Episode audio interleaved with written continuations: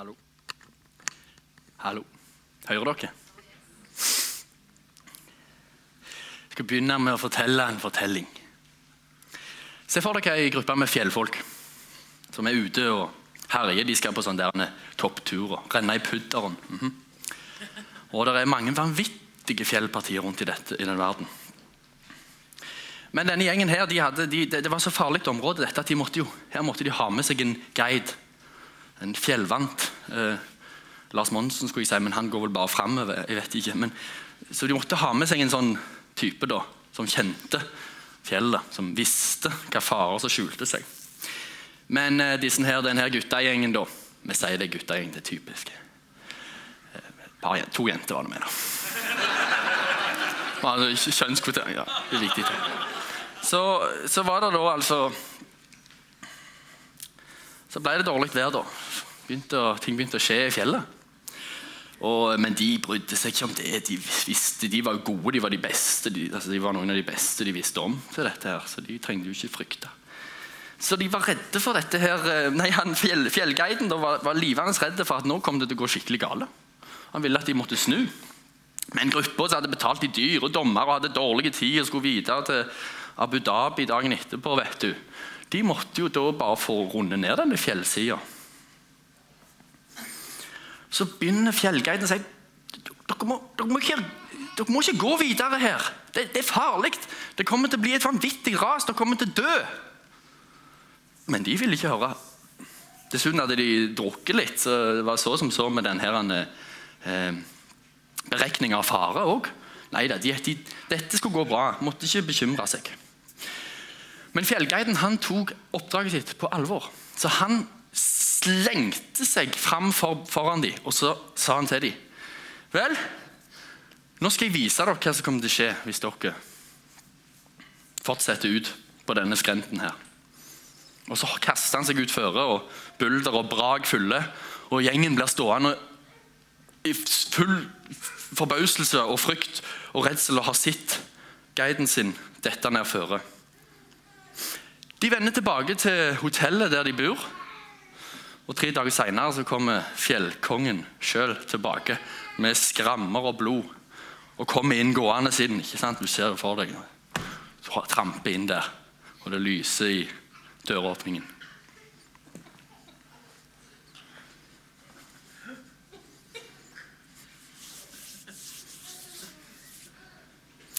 Spør du en kristen om det spørsmålet som er i dag til tema, så får du mange svar. Men du får svar veldig fort. For temaet i dag er hvorfor måtte Jesus dø? Og Vi er raskt framme. Jo, han døde for mine synder.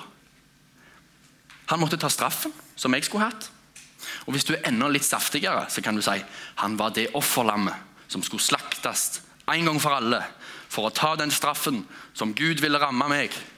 Og hans død tilfredsstilte Guds vrede på korset, eller et eller annet sånt. Og De som har vokst opp med sanger om Jesu blod og sånne ting, syns gjerne det er helt sånn logisk, dette. Ja, det er flott. Helt flott. Men jeg kjenner mange jeg, som sliter litt med det svaret og de svarene.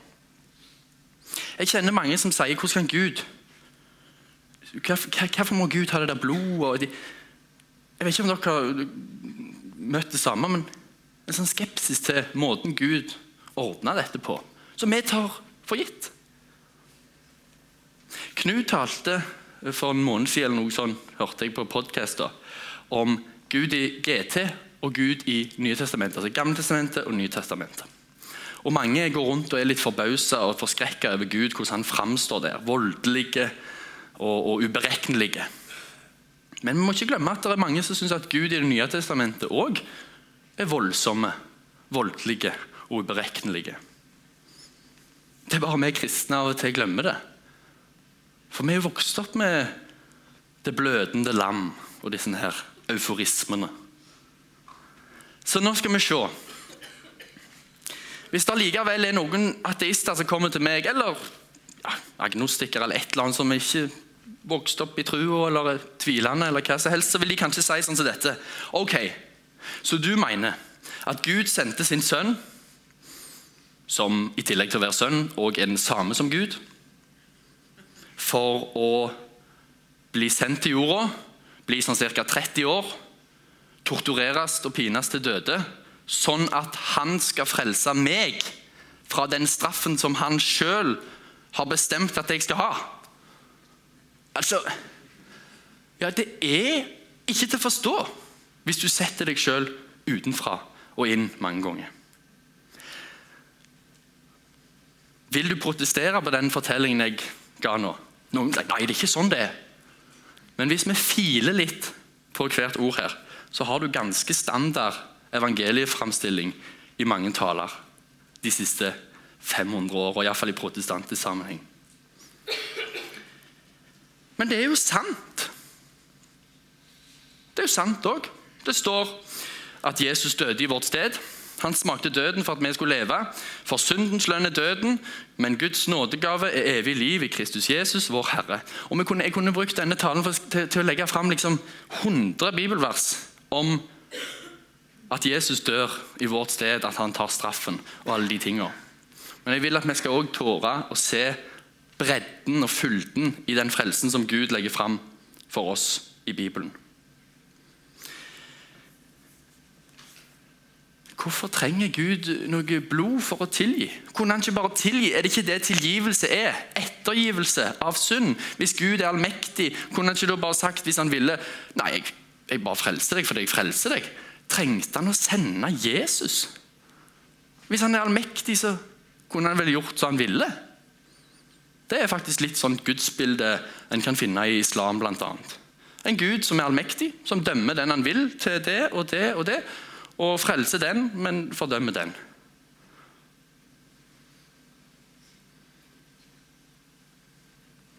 Derfor vil jeg begynne i begynnelsen. Adam og Eva vil jeg begynne med. Om syndefallet er det skrevet veldig mye. Vi har ikke tid til å gå inn på det. Men jeg vil gå rett på det tidspunktet der Adam og Eva har blitt lurt, eller Eva har blitt lurt av slangen til å ete. Han beskylder Gud for å være en som ikke vil det godt. Og så er du, og så er det Adam. Den første synden i verden var ulydighet mot Gud. Vi kjenner det. Mitt spørsmål til dere i dag er hvem var det som gjemte seg? Noen som kan rekke opp hånda. Jeg er lærer, jeg er vant med at de rekker opp hånda minst 10-15 ganger i løpet av eh, fem minutter med undervisning. Jeg har gode elever. sånn. Er det noen som vil svare meg på det? Hvem var det som gjemte seg? Ja, Odd? Det var Adam og Eva, ja. Mannen og kvinnen som gjemte seg. Det var ikke Gud som gjemte seg. Det var ikke Gud som nå plutselig bestemte seg for at nei, jeg vil ikke ha noe mer med deg å gjøre. De har brutt mine regler. Jeg tåler ikke å se dem lenger. Det var Adam og Eva som gjemte seg, og det var Gud som ropte 'Adam, menneske, hvor er du?' Og hvis du var, Når du er forelder, vil du da si til ungen din ja, du må ikke gjøre sånn og sånn. Du må komme hjem klokka 11. Og Hvis ungen kommer hjem klokka halv tolv, så sier du sånn Du har brutt min regel. Jeg vil aldri se deg igjen. Du har brutt mine lover. Vik fra meg. Jeg tåler ikke deg. Det ville vært absurd. Adgangen inn til hagen ble likevel sperra. Det kom et skille der. Men hvorfor var det sånn? Jo, fordi at livets tre, treet som ga evig liv, det sto der åpent. Og Gud han hadde barmhjertighet med Adam og Eva og ville ikke at de skulle måtte leve evig i sin synd med sine konsekvenser, med konsekvensene av de gjerningene han hadde gjort. For hvis, de hadde, hvis han ikke hadde sperra adgangen der, så så hadde jo de måttet leve sammen med ondskap resten av evigheten. liksom, På ei syndige jord. Det hadde aldri blitt et oppgjør med synd da, hvis Gud ikke hadde liksom sperra tilgangen til livets tre. Jeg tror ikke det var fordi at Gud ikke tålte dem. For han var den som ropte på dem. Og ropet går som en rød tråd gjennom hele Bibelen. Menneske, hvor er du? Hvorfor har du forlatt meg? Jeg lengter etter deg, jeg vil finne deg. Og Alt i Bibelen har vi lært også, det peker fram til Jesus. Til den tida der Gud blir menneske. og tar vårt sted i døden. Eva fikk løftet. Hun skulle få en etterkommer som skulle knuse slangens hode. Vi tror det er Jesus Kristus som er den etterkommeren. Jesus fra Nasaret. En annen ting. Så å si alle historier og bøker og alt sånt som dette tar for seg kampen mellom det gode og det vonde. Helt fra vi er små så sier vi 'Mor, om han er på den gode eller på den vonde sida' Det husker iallfall jeg vi spurte om. Det spør elevene mine ennå om, så jeg, jeg, prøver å ha litt mer åpent perspektiv. Du må ikke tenke så svart-hvitt osv. De, de vil gjerne ha det. De går i syvende og åttende. Om han der er på den gode eller den dårlige sida Burde vi snakke mer om dette, òg når vi snakker om kristendom? Burde vi snakke mer om synd? Bjørn Sterk er en ateist som har vokst opp i et frikirkehjem med en pastor til far. Han tror ikke lenger på Gud, men han har skrevet en glimrende bok om Jesus og kirkehistorien. Uten å liksom rakke ned på kirka, men tra fram både det gode og det dårlige. og beskriver det helt fantastisk. Han sier det. Hold deg fast. Læren om synd er hans favoritt. Han syns at læren om synd er det beste kristendommen har å fare med. Men det er den vi har slutta å fortelle om. La meg sitere ateisten. Kjernen av det kristne moralsynet er at vi alle er syndere. Noen mener at dette er den verste kristne ideen. Jeg mener det er den beste. Den er frigjørende og demokratisk. Den betyr at vi kan stå sammen i ønsket om å være bedre enn det vi faktisk er. Vi er ikke perfekte, men vi kan bli det. Og, nei, og kan aldri bli det. Vi er ikke perfekte og kan aldri bli det. Husker du den nå nettopp jeg fortalte om eh, den, der, der, den, fortellingen om en gud som straffer oss og liksom sender sin sønn, og hvor uforståelig det ble? Hva hvis du begynner en annen plass? Hva hvis du begynner med å spørre vedkommende som sliter litt med dette? Hva er det gode? Hva er det vonde? Jeg har hatt denne samtalen nå rundt forbi masse plasser. Og jeg får alltid en lang, god, varm samtale. For alle har en sykdom som de har opplevd i familien eller sjøl. Alle har en eller annen kriminalitet de leste om i aviser som de knytta seg i magen for. Alle har moralsk, et moralsk sinne overfor vondskap. Så hvorfor snakker vi ikke mer om vondskapen? Hvorfor går vi rett på å si et eller annet om synd når folk ikke vet hva det er lenger? Hva er vitsen med at Jesus dør for dine synder, hvis du ikke liksom skal fortelle hva synd i det hele tatt betyr? Alle har synda og mangler Guds herlighet. Folkens, vi har et felles problem. Vi står til knes i drit, hele gjengen. Det burde blitt sagt oftere. Det er herlig frigjørende. Og er det én ting du ikke skal si om oss kristne, så er det at vi er prektige. Faktisk er det, faktisk, det er noe av det siste jeg har lyst til å bli kalt i hele verden. tror jeg faktisk. Det er, det er mange stygge ting jeg vil bli kalt lenge før jeg vil bli kalt prektige. For da har du ikke skjønt noen ting av hva dette handler om. Jesus tålte synderen. Vi sa ikke at Jesus tålte synd men Jesus tålte synderen. Hvis det var sånn at korset måtte til for at Gud skulle nærme oss oss, så hadde ikke Jesus kunnet vandre en meter på denne jorda uten å få allergisk sjokk. Jesus møtte synderen akkurat som han var. Horer, tollere, bompengeinnkrevere, som det heter i dag. Akkurat som de var. Akkurat som de var. Så det var det de var. Det var det de var. Bare enda verre, for det var liksom okkupasjonsmakt i tillegg. ikke sant? Gud springer rundt på jorda og sier akkurat som Gud gjorde i hagen. 'Hvor er du, Adam?' 'Jeg er her for å holde måltid med deg.' Sakkeus. Eller tolleren Matteus. Eller alle disse hundrevis av personene som vi treffer i evangeliene. 'Jeg er her. Jeg vil holde måltid med dere. Jeg vil være nær dere.' Gud tåler synderen. Hvis du klarer å bli enig med han her han som lurer om at synd er et problem, eller at i alle fall ondskapen er noe vi må kjempe mot, noe som ikke skal være her, noe som er fremmed egentlig fra hvem vi egentlig er innerst inne, da har du kommet veldig langt. Men hvordan skal Gud vinne krigen mot ondskap samtidig som han vinner hjertene våre og kjærligheten vår? Han blir menneske i kjøtt og blod. Jesus får flis i fingeren. Jesus springer hjem til mor og griner. Jesus kommer i puberteten, og all slags merkelige ting skjer med ham. Jesus går mye på tur med disiplene og får sikkert gnagsår. Det er kjempevondt. Jesus er prøvd i alt som oss, men uten synd. Han sier 'elsk deres fiender'. Min Jesus sier, snur opp ned på hele universet og sier 'elsk deres fiender'. Det betyr folkens, at han som er Guds bilde, han sier 'elsk deres fiender'. Forutsetningen for korset er at Gud har elsket sine fiender. Altså oss. Vi som gjemte oss, vi som stakk av, vi som brøt reglene. Vi som ikke ville elske han. Vi som har fått, Kanskje noen av oss har fått et bilde av Gud som er helt feil. Vi som gjemmer oss fordi at han, vi ikke tåler hans ansikt. Han elsket oss mens vi ennå var syndere. Så kom han ned på jorda for å dø for oss.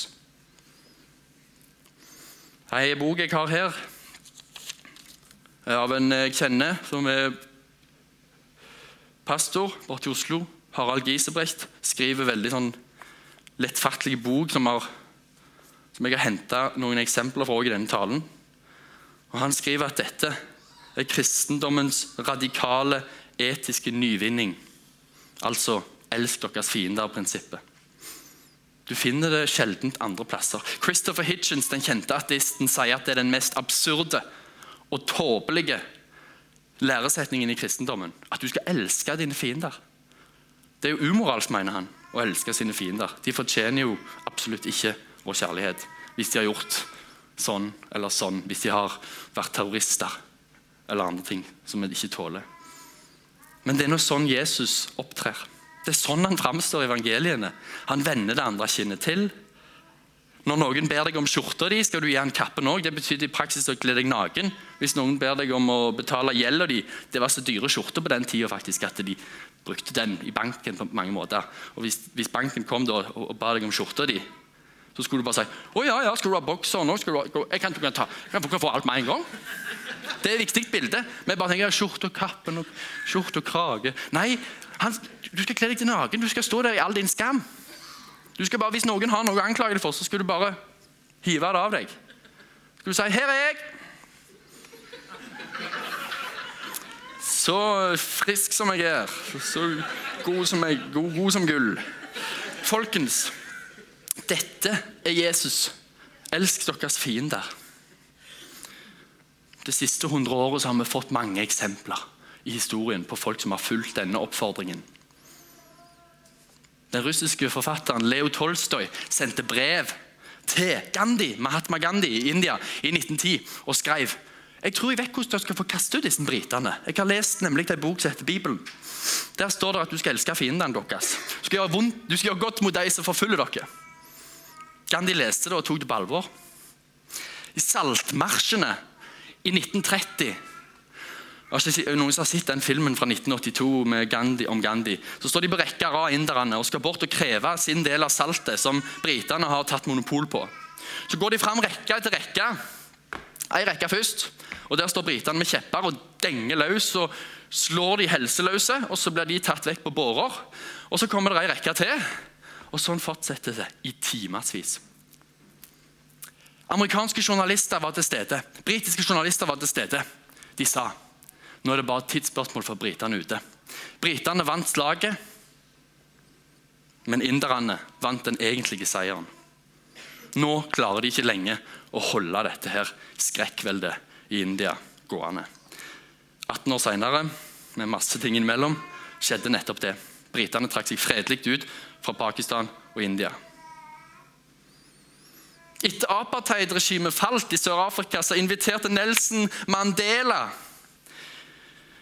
Han, han inviterte fangevokteren sin til lunsj, som hadde vært fangevokter i de noen og 20 årene han så i fengsel. Han inviterte også statsadvokaten som hadde prøvd i 1964 å få han dømt til døden, og spiste lunsj med han. Folkens, Jesu evangelium fungerer.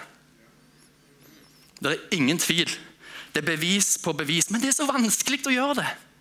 Martin Luther King brukte Jesu lære for å vinne over de mørke kreftene til det hvite eh, styret i sørstatene og, Jim Crow-lovene. Og det funka, men han sjøl måtte dø fordi vondskapen ble sterkere enn hans liv. Vi tror at Jesus er sant Gud og sant menneske, større enn Martin Luther King og Gandhi og hele gjengen. Vi tror allikevel at han var sant menneske. Han seira ved å tape. Når djevelen trodde han hadde makta, så vant Jesus. Han viste oss en vei inn i det evige livet med å sjøl bli en tjener. Lytt til dette, da kan du få opp filipperne.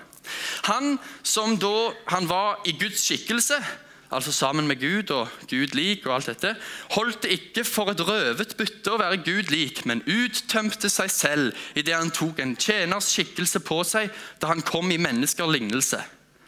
Og da han i sin ferd var funnet som et menneske, fornedret han seg selv, fornedret han seg selv og ble lydig til døden, ja, døden på korset. Derfor har også Gud høyt opphøyet ham og gitt ham det navnet som er over alle navn, for at i Jesu navn skal hvert kne bøye seg, deres som er i himmelen og på jorden og under jorden. Derfor har Gud opphøyd ham, fordi han ville fornedre seg sjøl for å vise hvor mye han elsket oss. Satan klarte ikke å holde på det lenger. Anklagene som djevelen hadde kommet for overfor Gud og overfor oss, de funka ikke lenger. Godheten hadde nemlig seira en gang for alle. Neste eh, der, ja. Siden barna er av kjøtt og blod, måtte også han fullt ut bli som dem. Slik skulle han ved sin død gjøre ende på ham som har dødens makt, det er djevelen, og befri dem som av frykt, av frykt for døden var i slaveri gjennom hele livet. Si ikke at Jesus ikke vant seier. Vi ser det demonstrert dag etter dag. Jeg har prøvd å utvide horisonten litt nå. Så, jeg, jeg, har sett på masse teorier om forsoningslære og alt dette. Jeg tenkte jeg skulle la, la dere få slippe de der voldsomme sånn, dette, terminologiene og sånt. Og, uh, men at jeg ville dele litt av det jeg føler er, er det som er på hjertet mitt angående hvem Jesus er, og, og, og vie ut litt horisonten. Og Jeg ber dere om å se rikdommen i korset, og ikke snevre det inn til en eller annen slags byttehandel eller et eller annet sånn enkelt teori, men se bredden på hva som skjedde på korset. Du kan nemlig aldri finne et offer som overgår kongenes konge. Når en konge er død og har dødd for noen, hvordan kan du våge å si ja, men det er vel ikke nok, jeg må vel få lov jeg må vel få bidra litt, jeg òg? Kongen har dødd, hallo. Vi snakker ikke mer om det nå da. altså jeg mener, Da er det ferdig. da. Kongen, kongenes konge, har gjort det. Du trenger ikke gjøre noe mer da. Du skal bare stole på han. Han var ikke en kriger-Messias som kom og gikk til krig mot romerne. Han var heller den som lot seg piske og slå. Som lot de komme med alt de hadde. Jeg skal synge Messias, uh, Hendels Messias nå i Konserthuset i Stavanger. Og Der er det en sats som heter He gave his back to the smiters. Jeg tror det er sånn det uttales. Ikke sikker. Han ga ryggen sin til spotterne, eller de som slo. Han sto og lot seg slo. Han oppga ikke sin munn. Djevelen fikk altså ikke siste ordet. For Jesus brukte ikke voldsmetoden. Jesus brukte bergprekenen når han sjøl sto der og ikke sa noe imot dem når de slo han til blods før Golgata. Eh, neste vers har du den. Kolosserne. Det nærmer seg nå, altså. For han har fridd oss ut av mørkets makt og ført oss over i sin elskede sønns rike. I ham er vi kjøpt fri og har fått tilgivelse for syndene. Han er den usynlige Guds bilde Den førstefødte før alt det skapte. Skal vi se Var det mer der? Nei, gå til forrige. Ja. Du eh. ah, Vet ikke om det Hva slags eh, skriftsted er dette? Ja, det var det forrige, det. Det kolosserne Jeg kan lese det. Dere var døde pga. misgjerningene og deres uomskårne kjøtt og blod, men han gjorde dere levende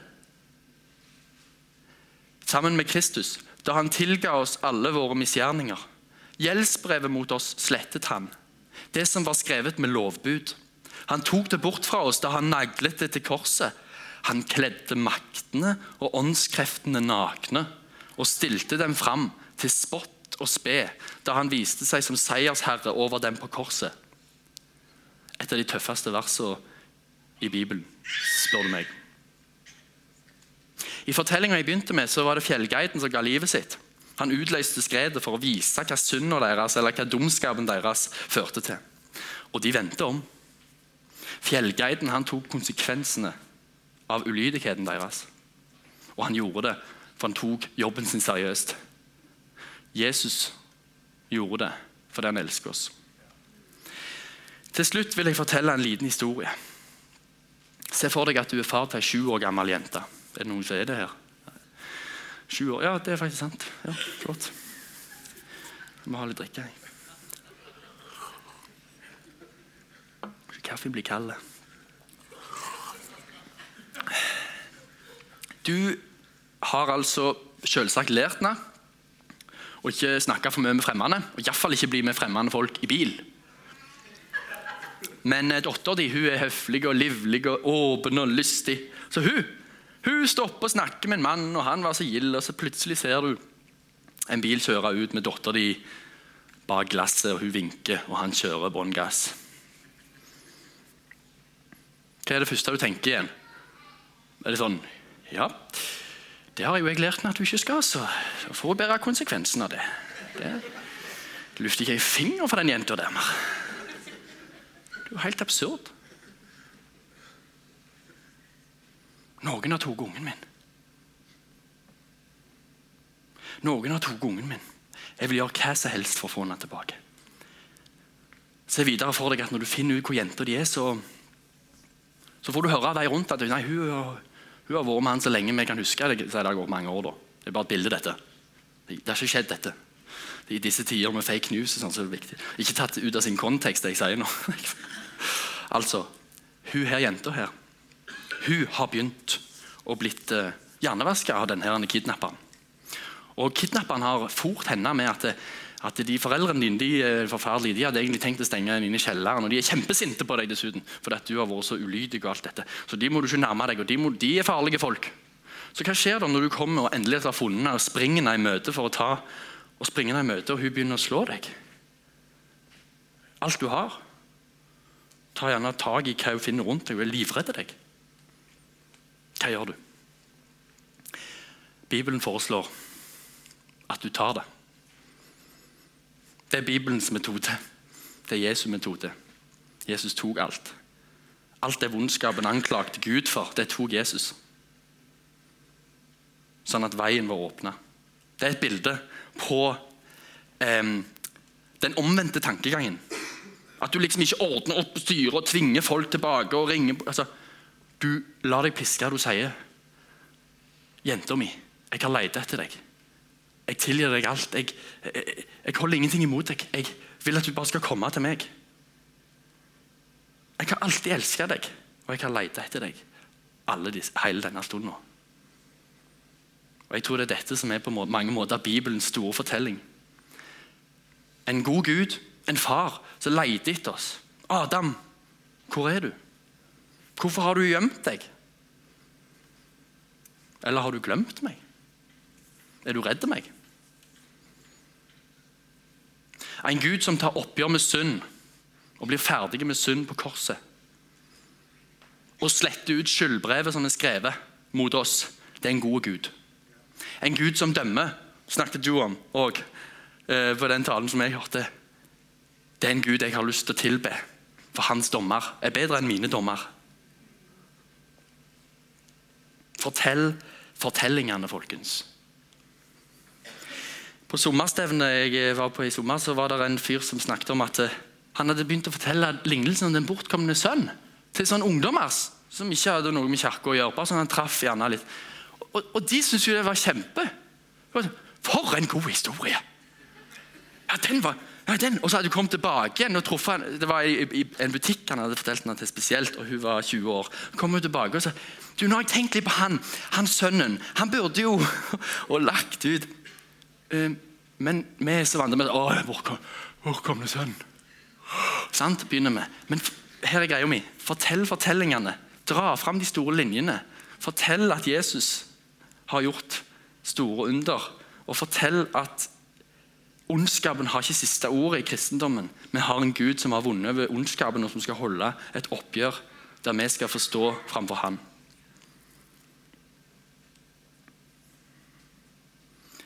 Til slutt vil jeg eh, lese fra Efeserne.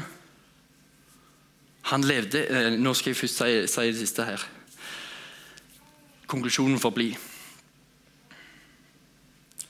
at kampen mellom Gud og Satan mellom menneskesønnen og slangen. Den er på mange måter avgjort.